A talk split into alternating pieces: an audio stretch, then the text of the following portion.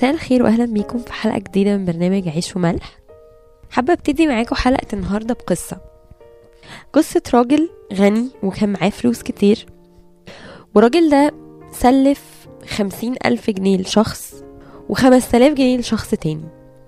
وفي يوم من الأيام الراجل ده لأنه كان راجل كويس قوي قرر إنه هيسامح الناس اللي مديوناله وقرر إن هو هيفك دينهم ده. يعني خلاص مش محتاجين يردوا الفلوس دي تاني. وراح قال لهم كده سؤالي هو تفتكروا مين في الاتنين دول فرح أكتر؟ الراجل اللي كان مديون بخمس تلاف ولا الراجل اللي كان مديون بخمسين ألف؟ الإجابة البديهية أكيد الراجل اللي كان مديون بخمسين ألف لأن الراجل اللي كان مديون بخمسين ألف ده كان قدامه فلوس كتير قوي يسددها ولأن دينه كان كبير فأكيد فرحته كانت أكبر بكتير. القصة دي حكاها يسوع للفريسيين في لوقا سبعة. لما جت المرأة الخاطية عند رجليه بتعيط وبتبكي وبتسكب الطيب. وهم سألوه قالوا له أنت إزاي سمحت إن هي تيجي وتلمسك؟ دي مرأة خاطية قال لهم أنا دخلت بيتك وقعدت معاك وما قدمتليش مية أغسل بيها رجلي بس هي غسلت رجلي بدموعها. أنت ما ادتنيش قبلة واحدة على وشي أما هي فما بطلتش إنها تبوس رجليا من ساعة ما جيت. أنت ما دهنتش راسي بالزيت بس هي دهنت رجلي بالطيب. وعشان كده أنا بقولك إن خطيتها مغفورة لأن هي أحبت كثيرا. وكان بيشرح لهم ليه هي أحبت كثيرا. هي أحبت كثيرا لأن اللي بيغفر لها كثير. وكان عايز يقول إن اللي حاسس بوطئة الدين بتاعه واللي حاسس بكبر خطيته هيحب أكتر وهيدي أكتر. زي بالظبط الراجل اللي اتغفر له الدين أبو خمسين ألف. الست دي من كتر ما هي كانت حاسة إن خطيتها كبيرة قوي دينها كبير قوي راحت وبكت عند رجلين المسيح وقدمت له حب كبير جدا. لكن الفريسيين لأن هم أصلا ما كانوش حاسين إن هم عندهم أي خطية ولا أي مشكلة فبالتالي ما قدمولوش أي محبة. ليه أنا بحكي لكم القصة دي؟ لأني وأنا بقرأ في أيوب وكنا وقفنا المرة اللي فاتت عند آية 25 وكنا كلمنا عن الخلاص وإنه ربنا ينجي نفسنا من الحفرة وإن المسيح هو الفدية اللي ادت لنا فرصة إن إحنا نرجع تاني ندخل ملكوت. ابتديت اعرف آية 26 ونقراها مع بعض؟ هي بتقول كده. إن الإنسان يصلي إلى الله فيرضى عنه ويعين وجهه بهتاف فيرد على الإنسان بره. إن الإنسان بعد ما يحس بالخلاص ده ويعود إلى أيام شبابه بيصلي ربنا فيرضى عنه ويعاين وجهه وبيشوف وجه الله وبيرجع له بره من تاني. فآية 27 بيقول وهي دي الآية اللي أنا عايزة أتكلم عنها النهاردة. يغني بين الناس فيقول قد أخطأت وعوجت المستقيم ولم أجاز عليه الآية بتقول إنه الإنسان بعد ما بينال الخلاص ويصلي ربنا وربنا بيرضى عنه بيعمل إيه؟ بيمشي يغني بين الناس ويقول إن هو خاطي وإن هو عوج المستقيم بس هو مش هيتجاز على كل ده إن كل الكلام ده مش هيأثر على حياته الأبدية مش هيأثر على علاقته بربنا اللي خضني شوية في. في الآية دي وخلاني عايزة أدور فيها أكتر كلمة يغني بين الناس إزاي أوصل إن أنا أغني خطيتي وسط الناس أصل الغنى ده قدام الناس كلها بيحسسني أكيد إن أنا مش خجلان منها بالعكس أكاد أكون فرحان شوية إن أنا قادر إن أنا أروح أغني قدام الناس وأتكلم عن خطيتي بسهولة كده. فأنا إزاي ممكن أحس الإحساس ده؟ إزاي ممكن أمشي أغني بين الناس وأقول إن أنا خاطي بس أنا ليا خلاص؟ بتهيألي الإجابة على السؤال ده باينة قوي في المثل اللي قاله المسيح.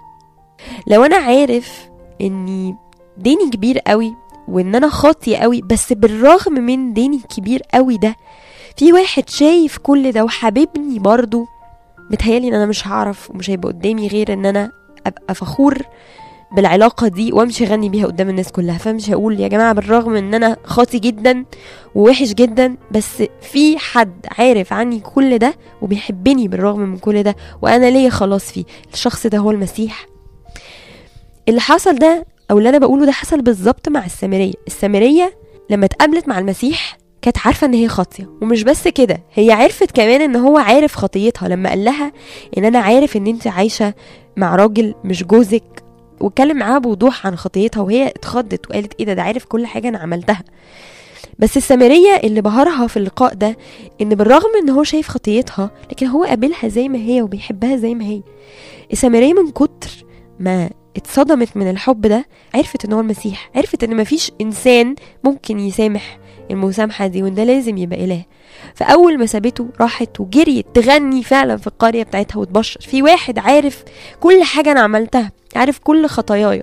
ده باين له المسيح. ده شكله هو ده المخلص اللي جاي يخلصنا ويفك العتق ويفك الدين من علينا. وبرضو اتكررت مع مع حد كمان. مريم المجدلية. مريم المجدلية كان عليها سبع شياطين كانت غرقانة في الخطية. يعني هي مش بس كانت بتخطئ لا ده كان الشياطين لابساها من كتر ما هي امرأة خاطية. وراحت للمسيح وشفيت وبقت مبشرة وهي أول واحدة راحت بشرت بشارة الفرح وإن المسيح قام. وكانت ملتصقة بيه جدا جدا جدا طول حياته وكانت ملتصقة جدا بالتلاميذ برضو بعد ما هو صعد فأقصد أقول إنه الإحساس بتاع إن أنا أمشي أغني بين الناس أقول قد أخطأت بس لن أجازى أنا أخطأت بس لن أجازى ليه؟ لأن المسيح فداني المسيح فدى نفسي من العبور إلى الحفرة زي ما أليهو بيقول لأيوب في آية 28 بعد كده بيكمل بيقول فدى نفسي من العبور إلى الحفرة فترى حياتي النور خلاص أنا خاطي آه بس أنا مش خجلان من خطيتي لأن كل ما تكبر خطيتي كل ما أبقى معترف بخطيتي أكتر كل ما أبقى شايف طبيعتي أكتر كل ما هحبه أكتر لأن هيبقى عندي كتير أردهوله. فهنا تتحول الخطية من إحساس شديد بالخجل أو طبيعتي طبيعتي الخاطية من إن أنا أبقى حاسس بالخجل الشديد منها خجلي الشديد منها أو أو إحساسي بالذنب الشديد منها يتحول لإحساس بالخلاص إحساس بالعتق إحساس بحجم الجميل اللي عمله فيا ربنا إنه بالرغم من كل اللي أنا فيه ده ومن وحشتي ومن طبيعتي هو بيحبني هو جه عشاني هو مات عشاني هو خلصني أنا هشوفه تاني أنا هكون معاه في السماء. فبتبقى زي فرحة إن أنا حاسس إنه طبيعتي دي مش ملهاش سلطان عليا. آه طب المسيح هيحررني. آه أنا معاه حر أنا أنا الخطية دي مش هتأثر فيا ابدا. وده نفس الكلام اللي بيقوله ربنا الأشعية هلما نتحجج؟ يقول الرب. إن كانت خطاياكم كقرمز تبيض كالثلج.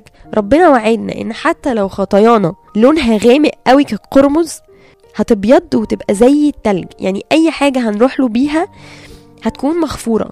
المهم إن إحنا ندرك حجم خطيتنا.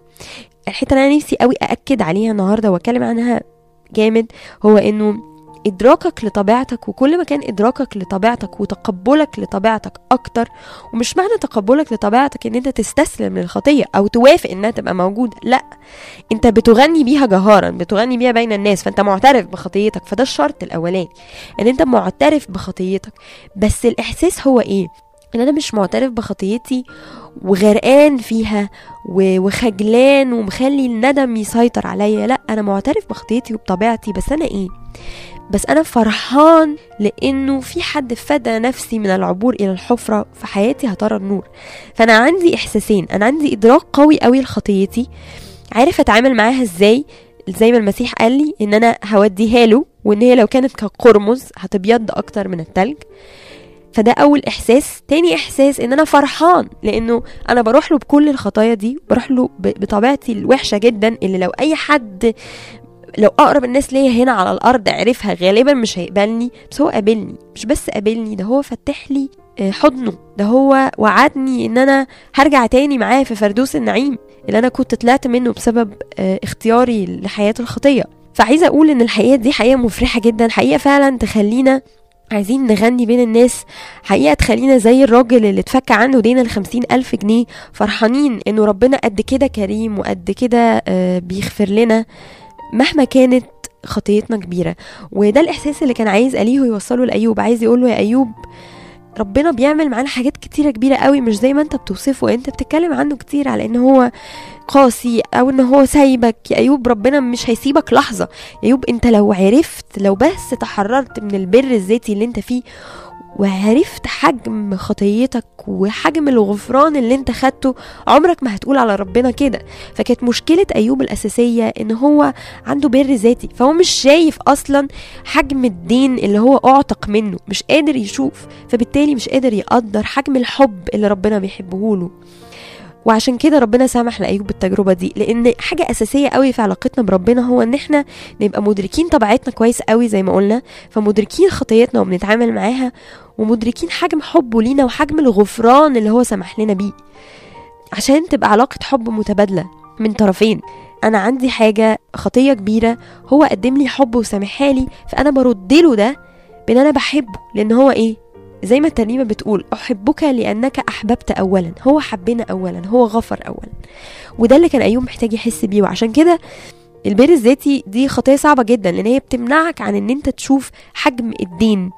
وقد إيه أنت مديون وقد إيه أنت محتاج ترد الدين ده بمحبة شديدة جدا للي فكلك الدين ده وللي فكك من الأسر ومن العبودية. بنشكر ربنا على الإنجيل بجد وعلى سفر أيوب وعلى الفرصة دي إن أنا أدخل وأتعمق فيه معاكم لأنه بجد بيفتح عينينا على خطية كبيرة قوي هي البر الذاتي الكبرياء إن أنا ما اكونش متلامس مع أخطائي وأضرار ده وإزاي ممكن تأثر عليا وإيه اللي ممكن أكسبه لو أنا اتحررت من الخطية دي وقد إيه ده هيخليني أنطلق في حياتي مع ربنا وفي علاقتي بربنا. آه، أشوفكم الحلقة الجاية ونكمل مع بعض آه، كلام أليهو لأيوب. راديو ملاح